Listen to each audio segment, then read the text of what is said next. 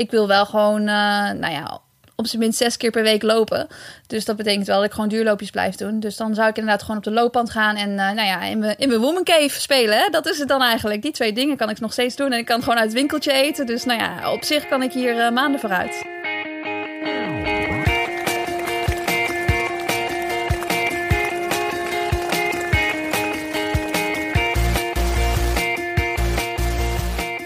Welkom bij de 32e aflevering van Suzy Q&A, de podcast over hardlopen, training en wedstrijden. Ik ben Oliver Heimel, hoofdredacteur van Runners World en aan de lijn zit Susan Crummins, de nummer 7 van de wereld op de 10.000 meter. Suzanne, het zijn krankzinnige tijden. Ik zit hier thuis op zolder in Den Bosch. Je hoort een hond blaffen op de achtergrond. Jij zit in je seniorenwoning in Hilversum. En uh, Volkert uh, monteert dit gesprek vanuit Amsterdam in elkaar. Misschien piepte en kraakt het een beetje meer dan anders, maar vergeef dat ons. Wij kregen hartstikke veel vragen en het waren bijna allemaal varianten op. Hoe is het met jullie? Dus die vraag ga ik eerst even aan jou stellen. Ik vat het even samen. Jij miste school door uh, Kiera. Je sloeg de CPC over, want die werd vorig jaar afgelast. Je zag de New York Half Marathon gecanceld worden. Switchte naar de parenloop en zag die ook gecanceld worden. Denk je wel eens, die halve marathon en ik, die zijn gewoon niet voor elkaar bedoeld? Het is niet meant to be. Dat dacht ik zeker. Ja, um, ja, het is natuurlijk... Uh, ik heb er eentje gelopen. En ik heb twee keer geprobeerd om, uh, om in ieder geval eentje op het programma te zetten. En het is niet gelukt. Dus ik, ik weet het niet met die halve. Maar ik heb wel weer goed getraind. Dus als ik de vraag moet beantwoorden hoe het met me gaat, dan gaat het eigenlijk goed met me. Ik ben gezond. Oké, nee. Ja, jij? Ja, je ziet er ook goed uit. Ja, we hebben ook een, soort uh, WhatsApp-verbinding. Dus uh, vandaar dat we dat kunnen vaststellen. Maar ik las bijvoorbeeld dat Papendal ook gesloten is. Heeft dat nog consequenties voor jouw trainingsweken? Uh, nee, ja, ik train natuurlijk sowieso gewoon in, in Hilversum en, en heel veel alleen. Dus voor mij verandert er qua training op zich niet zoveel. Alleen, ja, ik heb natuurlijk nu heel lang naar een doel toe gewerkt, naar New York. En, en nou ja, daar was eigenlijk alles op gericht. Dus het is niet zo dat ik nu gewoon verder ga met de trainingen die ik hiervoor heb gedaan. Want dat werkt natuurlijk niet zo. En want zitten er wel andere trainingen bij nu? Behalve de run op wc-papier die ik hier en daar voorbij zag komen. Uh, nou, er zitten andere trainingen bij. Kijk, ik, eigenlijk uh, zo'n voorbereiding op zo'n halve marathon... het is wel iets van drie maanden of zo. En een best wel intensief trainingsblok. Dus uh, nou ja, op een gegeven moment wist ik natuurlijk wel... de week voor New York had ik wel zoiets van... Nou ja, ik hoor al dat er hier en daar wedstrijden worden afgelast... dus de kans is er wel dat die afgelast gaat worden. En dan ga je inderdaad alvast naar alternatieven kijken. Dus nou ja, dinsdagavond hoorde ik dat, dat die werd afgelast. En, en woensdagochtend had ik al het volgende plan klaar... dat ik naar de paraloop zou gaan, naar de Stevensloop zou gaan. Dan werden die op een gegeven moment ook afgelast... Uh, dus dan ga je nog wel een beetje denken van ja, moet ik nu door met trainen of moet ik nu een soort van rust nemen? En toen dacht ik, ja, ik kan nog wel naar Amerika op trainingsstage. Op de hoogtestage in Flagstaff stond natuurlijk nog gepland. Uh, maar toen kwam de travel ban en toen was het van ja, dan is die dus ook van de baan. Dus eigenlijk had ik bedacht om nou ja, gewoon een beetje door te gaan met training, maar iets op, op iets lagere intensiteit. Alleen ik laat ook uh, eens in zoveel tijd laat ik ook mijn bloed checken. En toen kreeg ik daarvan de uitslagen. En toen zag ik dat nou ja, mijn witte bloedcellen zijn best wel laag. Cortisol is best wel hoog. En dat de witte bloedcellen laag zijn, dat gebeurt natuurlijk vaker bij mij als ik hard train. Maar dacht ik van ja, nu kunnen we dat even niet gebruiken. Dus het is wel echt belangrijk dat ik nu nou, een flinke stap terugneem in de training. Zodat ik in ieder geval een beetje een hogere weerstand heb.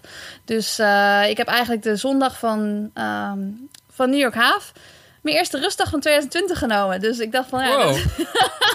ik, ah, het was pas maart. Ja. ja, het was pas maart. Ik raad het niet aan. Maar het is wel. Ja, kijk, het is natuurlijk voor iedereen belangrijk dat je, dat je weerstand goed is. Maar uh, ja, als, als, als uh, als atleet weet je natuurlijk dat het altijd iets minder is als je harder traint.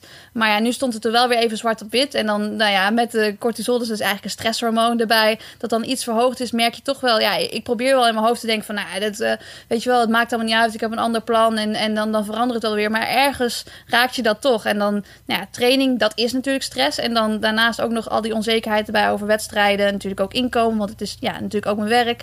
Um, was het wel gewoon heel duidelijk dat ik echt even een stapje terug moest nemen en uh, even rustig zodat ik ook gewoon gezond kan blijven. Dus dat is een beetje het plan.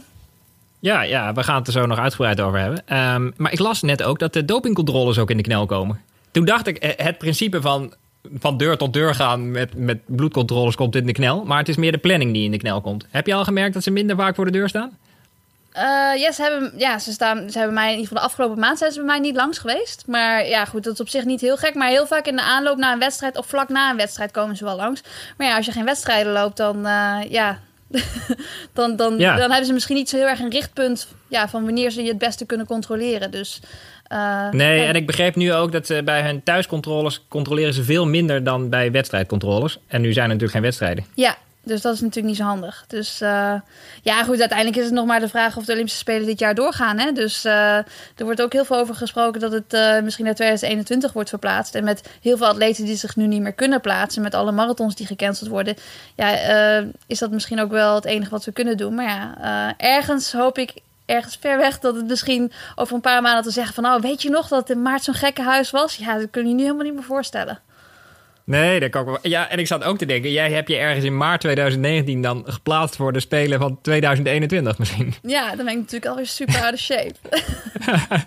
nou ja, of juist weer in shape. ja. Hey, onze, onze eigen huistrainer Rob Veer die kwam eh, zondag op eigen initiatief met een stuk voor onze site over trainen in eh, tijden van corona. Corona in overleg met eh, sportarts Guido Vroemen. En dat stuk is al meer dan 100.000 keer gelezen. Dat is gruwelijk veel voor ons. Ehm, we hebben het in overleg met Rob ook bewerkt voor bicycling. Daar is het ook al 75.000 keer gelezen. En het, het gaat erop, komt erop neer dat je je immuunsysteem niet te veel moet belasten. Wat jij eigenlijk ook Oh, zei. Ja, nou ja. Ja, nou, dat heb je goed. eh, ja. de tips die hij gaf waren beperk de duur en de intensiteit van je trainingen. Ga even niet meer nuchter trainen. Zorg voor voldoende vocht. Neem tijd voor herstel. Let op je voeding en vitamines, vooral vitamine D. Ehm, ja, dus dat wil ik sowieso even meegeven. Hoe zie jij je wedstrijdseizoen nu voor je? Ik zie je überhaupt iets voor je? Of leef je van dag tot dag? Eh, ja, nou heel lang heb ik wel geprobeerd van, nou ja, als ik dan niet deze wedstrijd heb, dan ga ik me op deze wedstrijd focussen. Maar op een gegeven moment, ja, kan dat gewoon echt niet meer. Want als je iedere keer weer teleurgesteld wordt, dat, dat is ook niet echt een lekker gevoel. Dus ik heb nu zoiets van, nou, ik, ik, ik zie wel hoe het qua wedstrijden zit. Dat, ja, op een gegeven moment gaan de wedstrijden weer beginnen en hopelijk vroeger dan later. Maar ik, ik richt me een beetje op dat misschien in juli dat we weer echt wedstrijden kunnen gaan lopen, op zijn vroegst. En in de tussentijd probeer ik me gewoon te focussen op de dingen die ik wel kan doen. Dus nou ja, gelukkig hardlopen, dat kun je gewoon alleen doen. Dat kun je gewoon in het bos doen met weinig mensen om je heen. Dus eh, wat dat betreft is, eh, is het wel lekker dat ze dat gewoon kunnen doen. Dat is ook goede therapie, toch? En, eh, Ja. En ja, en, en verder, ik heb mijn eigen, eigen krachttraining. Ik heb hier gewoon mijn eigen, ik noem het altijd mijn, mijn woman cave. Je hebt hem gezien, toch? De woman cave. nou, en er staat gewoon allemaal een, een squat, rekken, week voor het allemaal. Dus ik kan gewoon al mijn krachttrainingen ook gewoon blijven doen. En een beetje proberen te werken aan de dingen, ja, waardoor ik sterker word. En ja, heel vaak heb ik in april natuurlijk problemen dat ik dan blessures heb en dan april niet gezond doorkom. Dus nou, ik probeer me eigenlijk nu een beetje op te richten dat dat dan dit jaar niet gaat gebeuren. En dat ik dus, nou ja, in ieder geval eh, een beetje op de dingen richt die ik wel gewoon thuis kan doen. Dus dat, dat is het eigenlijk het doel. En, en qua wedstrijden heb ik nu even geen doelen. Nee, het woord eh, woman cave ga ik zeker nog eens als woord van de week inzetten. ik ken het woord man cave, maar inderdaad hoog tijd Dat daar een vrouwelijke variant op komt. Ja, Ja, zelf eh, zag ik natuurlijk na de Two Rivers mijn eh, Rotterdam-plan ook lelijk in het water vallen. Ja. En mijn eh, backup-plan Utrecht viel eigenlijk dezelfde minuut ook al in het water. Maar goed, je hoeft de beelden van Noord-Italië of Iran maar te bekijken om te beseffen dat het allemaal heel betrekkelijk is. Ja, is ook Ja. zo. En weet je wat wel zo is? Met al die wedstrijden die gecanceld en verplaatst worden, hebben we straks in het najaar heb je gewoon echt iedere week wel een wedstrijd die je kunt, Ja. eh, kunt doen. En in, volgens mij in, in zeven weken eh, zijn er iets van zes grote marathons. Dus nou ja, je kunt eh, iedere week kun je wel iets doen in het najaar, als dat weer doorgaat natuurlijk. Ja, ja, dat worden bizarre weken, ja. Ja, Ik ben heel benieuwd. Ehm, ja, ik was zelf overigens vorige week nog in Portugal. Was heerlijk. Niemand had het over corona. Althans, ja, bij Nederlanders wel, maar voor de rest eh, leeft het helemaal niet. Ik, de enige Portugees die er iets over gezegd heeft, was de taxichauffeur. Dat was heel grappig. Ik reed namelijk weg met de taxichauffeur. En toen kwam ik mijn collega Imo tegen, die heel wild en enthousiast naar me zwaaide. En toen zei de taxichauffeur, madman, coronavirus. ah, fijn. Eh, het was daar wel fantastisch trouwens. Is er nog een plek op aarde waar jij nu liever zou zijn dan in Nederland? Denk je een beetje van, zat ik maar... Zat ik maar in Australië. Eh, nou ja, ik moet zeggen, ja, ik, praat, ik spraak, praat natuurlijk wel veel met Nick. En hij zegt wel dat het daar de situatie, nou in ieder geval, er is geen paniek. Maar ja, ik denk ook steeds maar van, als ze denken dat ergens iets niet aan de hand is, misschien testen ze dan wel niet genoeg. Dus misschien is het ook maar allemaal schijn dat het daar goed gaat. Ehm, dus nou ja, zou ik daar liever zijn? Kijk, ik voel me, ik voel me op zich niet onveilig in Hilversum. Ik, ik zit hier gewoon in quarantaine zoals ik dat altijd doe. En ik ben eigenlijk, ik ben het eigenlijk ook wel heel erg gewend als atleet natuurlijk. Om ja, dat social distancing en zo, dat is dat is ja, ik ben, altijd, ik ben altijd bang om ziek te worden. Zelfs gewoon met de griep. Dat zou natuurlijk ook, eh, ook erg zijn. En, en zeg maar dat mensen dan niet in hele grote groepen bij elkaar komen, lijkt me logisch. Maar ja, zelfs als ik met, met één iemand afspreek, dan, dan probeer ik altijd voor te zorgen dat ik in ieder geval niet ziek word. Dus wat dat betreft voel ik me hier niet, niet onveiliger dan op een andere plek. Ik uh, gedraag me gewoon hetzelfde als ik uh, voor een belangrijke wedstrijd zou doen. Ja, ja, ja. ja nee, ik weet inderdaad dat, uh, dat jij ja, zou het liefst altijd met je elleboog groeten. Of uh, met je voet groeten is het geloof ik toch?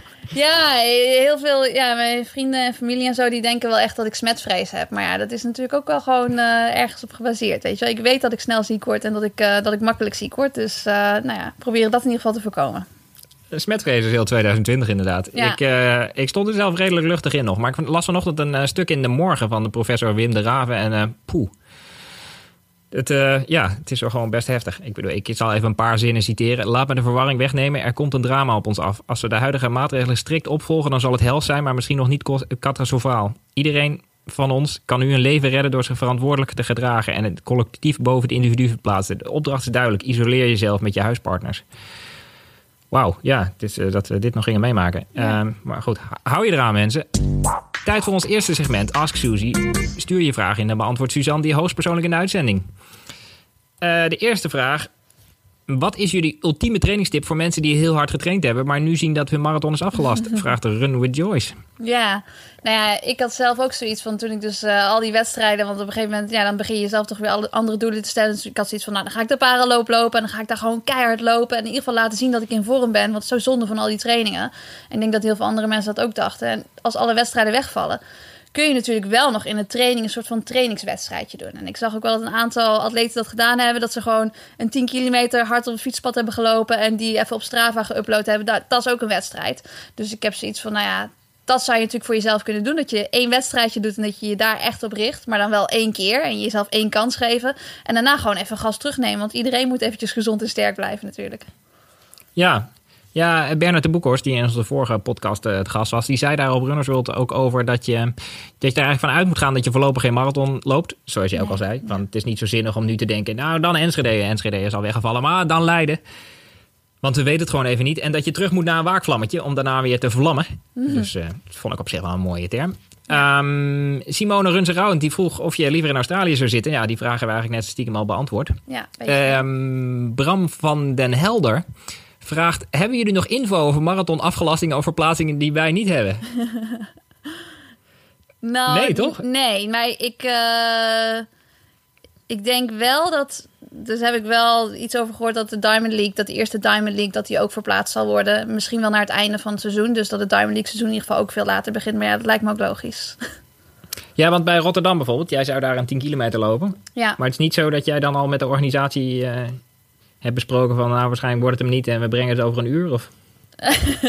nee, zo, zo belangrijk ben ik niet in die beslissing. En ja, weet je wat het is met wedstrijden en, en organisaties van wedstrijden? Die organisaties willen natuurlijk ook gewoon dat het doorgaat. Dus op een gegeven moment dan krijgen zij te horen van ja, het mag niet, het kan niet. En dan wordt het afgelast. Maar ja, mensen die dan bijvoorbeeld boos worden op de organisatie, dat, dat heeft ook weinig zin. Want iedereen wil graag dat het doorgaat. Maar als het gewoon beter is om het niet te doen, dan uh, ja, moet je je daar ook maar gewoon bij, neerleggen. Dus ik hoorde wel van veel mensen die dan uh, zeggen van ja, heb ik in weer en wind uh, zo slecht weer en al die trainingen gedaan voor, voor Rotterdam.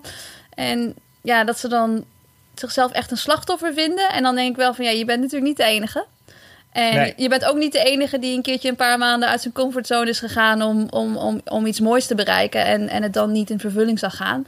Dus ik denk dat je dan een beetje aan het positieve moet denken. En denk van, nou ja, als mens ben je in ieder geval sterker geworden doordat je dat hebt gedaan. En voor mezelf is het zo dat ik nu bijvoorbeeld trainingen en aanloop naar New York heb gedaan, die ik vorig jaar voor City P City niet kon doen. En toen heb ik de halve marathon natuurlijk ook niet gelopen, maar ben ik er wel sterker van geworden. En dat, dat laat maar weer zien dat ja, om uh, bepaalde training aan te kunnen, moet je wel al op een bepaald niveau getraind hebben. Dus de trainingen die je nu voor, voor Rotterdam hebt gedaan, neem je ook mee naar je volgende trainingsblok als je weer besluit een marathon te gaan lopen. Dus het is niet allemaal verloren. Dus ik denk dat je een beetje, ja, dat je er wel positief naar mag kijken. Zo van, uh, wat zei ze nou weer? Every. Ja. Every setback is an opportunity in disguise, zeggen ze mooi in Australië. En dat is ook zo. Het is, er komt alweer een nieuwe kans. Ik, ik ben het helemaal met je eens. En ik zou het hier natuurlijk bij moeten laten. Maar ik denk zelf wel, het zou jammer zijn als ik aan het eind van mijn leven zou denken... Nou, ik heb nooit een goede marathon gelopen, maar ik heb wel heel goed getraind voor een marathon. Ja, maar weet ik hoop wel dat hij nog komt, hè? Ja, weet ik. Maar sport is wel hard. Er zijn ook ontzettend veel atleten die op het hoogste niveau proberen zich te plaatsen voor de Spelen. En die dan op de dag dat het moet gebeuren, dat er iets misgaat. Ergens wat het ook is. Um, en die nooit op de Spelen staan. Dus nou ja, dat is daarom is sport mooi, omdat het, omdat het zo hard en zwart-wit is. En als het dan wel lukt, is het prachtig. En als het niet lukt, ja, die verhalen van dat iets niet lukt, die hoor je niet zoveel. Je hoort alleen maar van Elliot Kipchoge ja. die, die uh, onder de twee uur loopt. Maar je hoort niet van degene die al die trainingen en alles erin heeft gestopt... en die uiteindelijk ergens is afgehaakt met een blessure of wat dan ook. Dus uh, ik denk dat je niet moet vergeten dat je niet alleen bent. Nee, en ik, ik, ken natuurlijk veel oude topsporters. Nou, jij nog veel meer ongetwijfeld. Maar ik, ik merk vaak dat ze zich heel erg concentreren op wat ze net niet hebben gehaald. Ja, maar... Van, ik heb zilver, maar net geen goud. Ik heb me geplaatst voor het WK, maar net niet voor de finale. Dat is natuurlijk zonde. Je wil eigenlijk het liefst dat je in ieder geval in je hoofd kan terugkijken op dit heb ik wel bereikt. Ja, ik denk, ja, dat positieve. Ik denk dat ik... Uh, in de eerste jaren van mijn carrière ook meer zo dacht. Als er iets misging, dat ik dacht van ja, maar waarom gebeurt het bij mij? Terwijl iedereen een beetje. Op een gegeven moment is er een moment in je carrière dat iets goed gaat en dat iets misgaat. Maar jij focust je alleen maar op als er bij jezelf iets misgaat. Terwijl als er bij iemand anders iets misgaat, dan krijg je dat misschien mee en denk je, oh wat vervelend. Maar ja, die maanden van rehab die je moet doen bij een ernstige blessure, daar ben je niet iedere seconde van iedere dag bij. En ik denk dat als je wat beter kunt inleven in een andere situatie, dat het voor jezelf ook wat uh, makkelijker te verwerken is als je een tegenslag hebt. Maar ja, uiteindelijk uh, moet je gewoon dankbaar zijn voor wat je wel hebt. Als je gezond bent, dat je gezond, ja. dat je gezond bent, dat, je, dat we FaceTime hebben, dat we met elkaar nog steeds kunnen praten, weet je wel. Het zijn kleine dingen, maar in, uh, in Amerika hebben we een keertje dat er wat er een beetje een moeilijke periode in ons team was.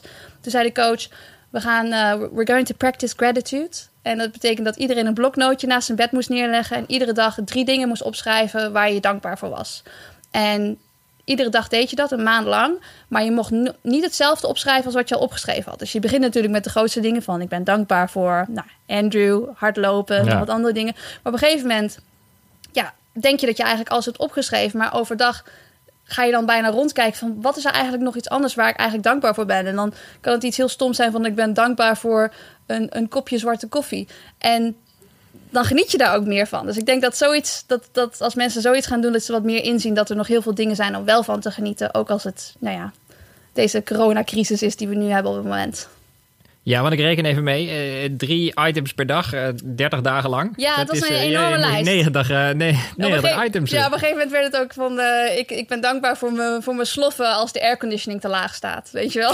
dat soort dingen. Dat zijn stomme dingen dat je ook een beetje moest lachen. Maar als je, nou ja, die lijst, die, die heb ik nog wel ergens in de doos liggen. Als je die lijst nog wel eens terugkijkt, dan, ja, dan moet ik altijd lachen. En dan denk ik altijd wel van, ja, maar het klopt wel. En dit zijn dingen waar ik toen Kijk, het is een aantal jaar geleden dat ik dit heb gedaan. Ik, ik doe het niet constant natuurlijk. Uh, maar dan zie je ook dat het door de jaren heen dat het heel erg zou veranderen waar je dankbaar voor bent.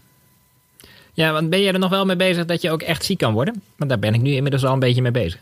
Ik, ik was gisteren aan het chatten met iemand die dan echt positief heeft getest op het virus. Ja, ja. dat is natuurlijk wel gewoon heel akelig. En dan ben je waarschijnlijk wel echt vijf dagen mee zoet. Ja, ik, uh, ik denk dat heel veel uh, mensen van mijn leeftijd denken van... Uh, ik, ik word niet ziek, want ik ben niet oud of zo.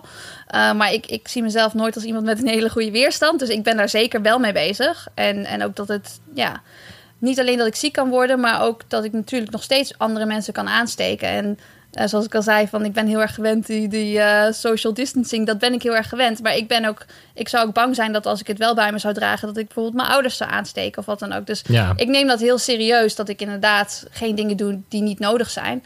En gelukkig heb ik uh, weken geleden al gehamsterd. Dus ik ben al heel lang niet meer in een, uh, in een supermarkt geweest.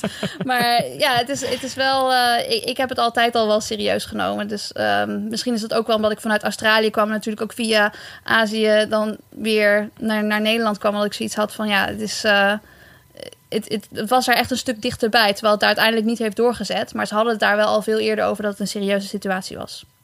Maar wat, wat hamster jij daar zoal? Wat hamster ik zoal? Ja, ik uh, soep of pasta? Of? Uh, ja, pasta ligt er ook zeker wel bij. Het is wel, omdat ik zo vroeg heb gehamsterd, heb ik er ook echt een hele rol Efteling-zegels bij gekregen. Niet dat we die gebruiken.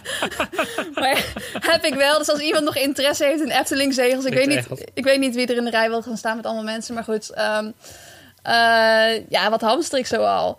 Ja, natuurlijk alle basics. Ik, ik, ik, heb, ik heb sowieso altijd wel een voorraadkast waarmee ik eigenlijk twee maanden sowieso vooruit zou kunnen. En dat is iets wat echt in mijn...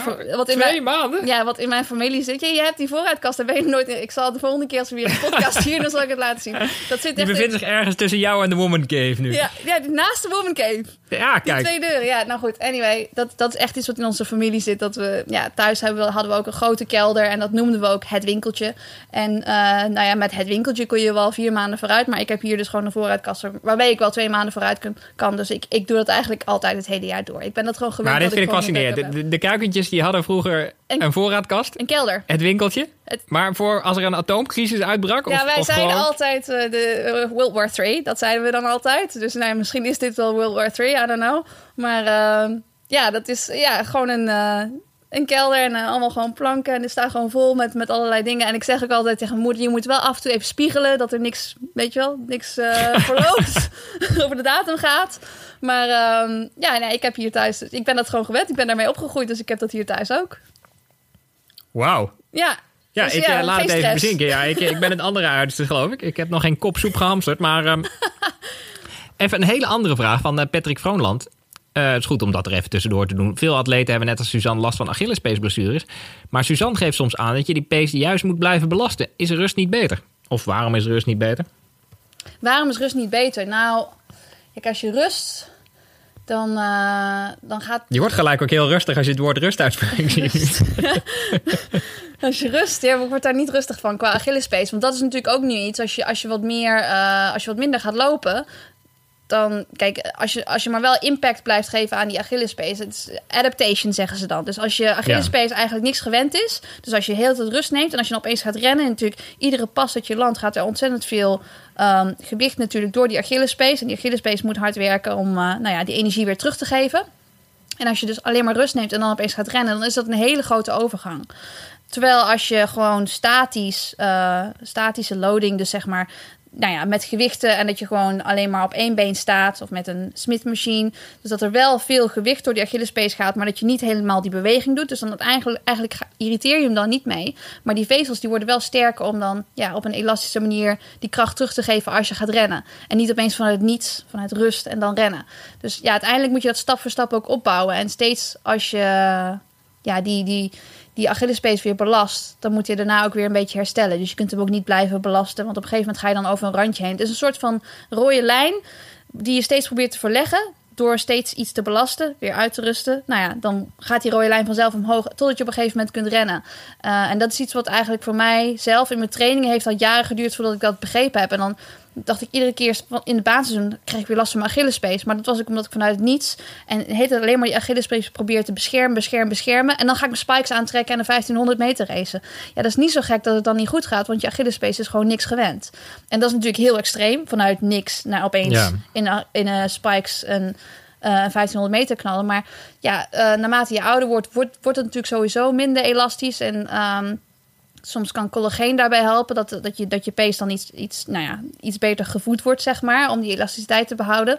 Maar ja, als je ouder wordt, dan is dat, ja, zelfs als je een wegwedstrijd gaat lopen of voor een marathon gaat trainen, kun je op een gegeven moment gewoon over dat randje gaan. En dan moet je natuurlijk wel even uitrusten en ervoor zorgen dat, nou ja, dat hij niet ontstoken is. En dan kun je hem langzaamaan weer gaan belasten, zodat je uiteindelijk weer klaar bent om wel te gaan rennen. Lang het is een beetje eh, use it or lose it, toch? Ja, inderdaad. Dus het is niet, eh, ja, je kunt, weet je wat het is? Je kunt als je niks doet, kun je wel vanuit het niets, kun je één wedstrijd, kun je hard lopen. En je Achillespees zal het ongetwijfeld wel houden, maar je kunt niet wekenlang trainen en denken dat het goed gaat zonder dat je iets aan die kracht van je Achillespees doet. Ik zie niet paas trouwens dat we allebei een zwarte trui aan hebben gedaan vandaag. Past Ja. toch een beetje bij de uitzending. Ja, inderdaad. Dat is ook niet zo gezellig, hè? Oh. Ehm, ja, dit was het eerste segment. Ik ben nog een paar vragen vergeten, maar die pakken we de volgende keer op. Ehm, heb je ook een vraag? Stel hem dan op Instagram. Of, eh oh, Suzanne's microfoon valt nu van de Ja. schoenendoos. Weer helemaal geïmproviseerd deze setup. Maar gelukkig heb ik heel veel schoenendozen. ga- dus- ik ga zo even een schermafdrukje maken. Ehm, eh, heb je ook een vraag? Dus stel hem op Instagram of stuur mij een mailtje. olivier.heimel, H-I-M-E-L, at hurst.nl. En wie weet behandelen we hem dan in de volgende uitzending. Hey, het woord van de week.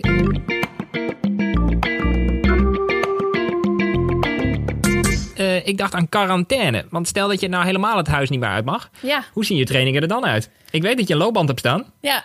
Gaan de onderburen gaan er niet blij mee zijn, maar dat gaat het dan inderdaad wel worden. Ik wil wel. eh, Notes break that. Ja, het is, kijk, ik hoef natuurlijk niet super scherp te trainen, omdat het, ja, je weet niet wanneer je eerste wedstrijd loopt, maar ik wil wel gewoon, eh, nou ja, op zijn minst zes keer per week lopen. Dus dat betekent wel dat ik gewoon duurloopjes blijf doen. Dus dan zou ik inderdaad gewoon op de loopband gaan en, eh, nou ja, in mijn, in mijn woman cave spelen. Hè? Dat is het dan eigenlijk. Die twee dingen kan ik nog steeds doen en ik kan gewoon uit het winkeltje eten. Dus, nou ja, op zich kan ik hier eh, maanden vooruit. Ja, veilig. Dan blijven we ook gewoon podcast maken op deze manier. Ik vind het Ja. hartstikke gezellig. nou, eh, zo zijn we aan het einde gekomen van deze 32e Suzy Q&A.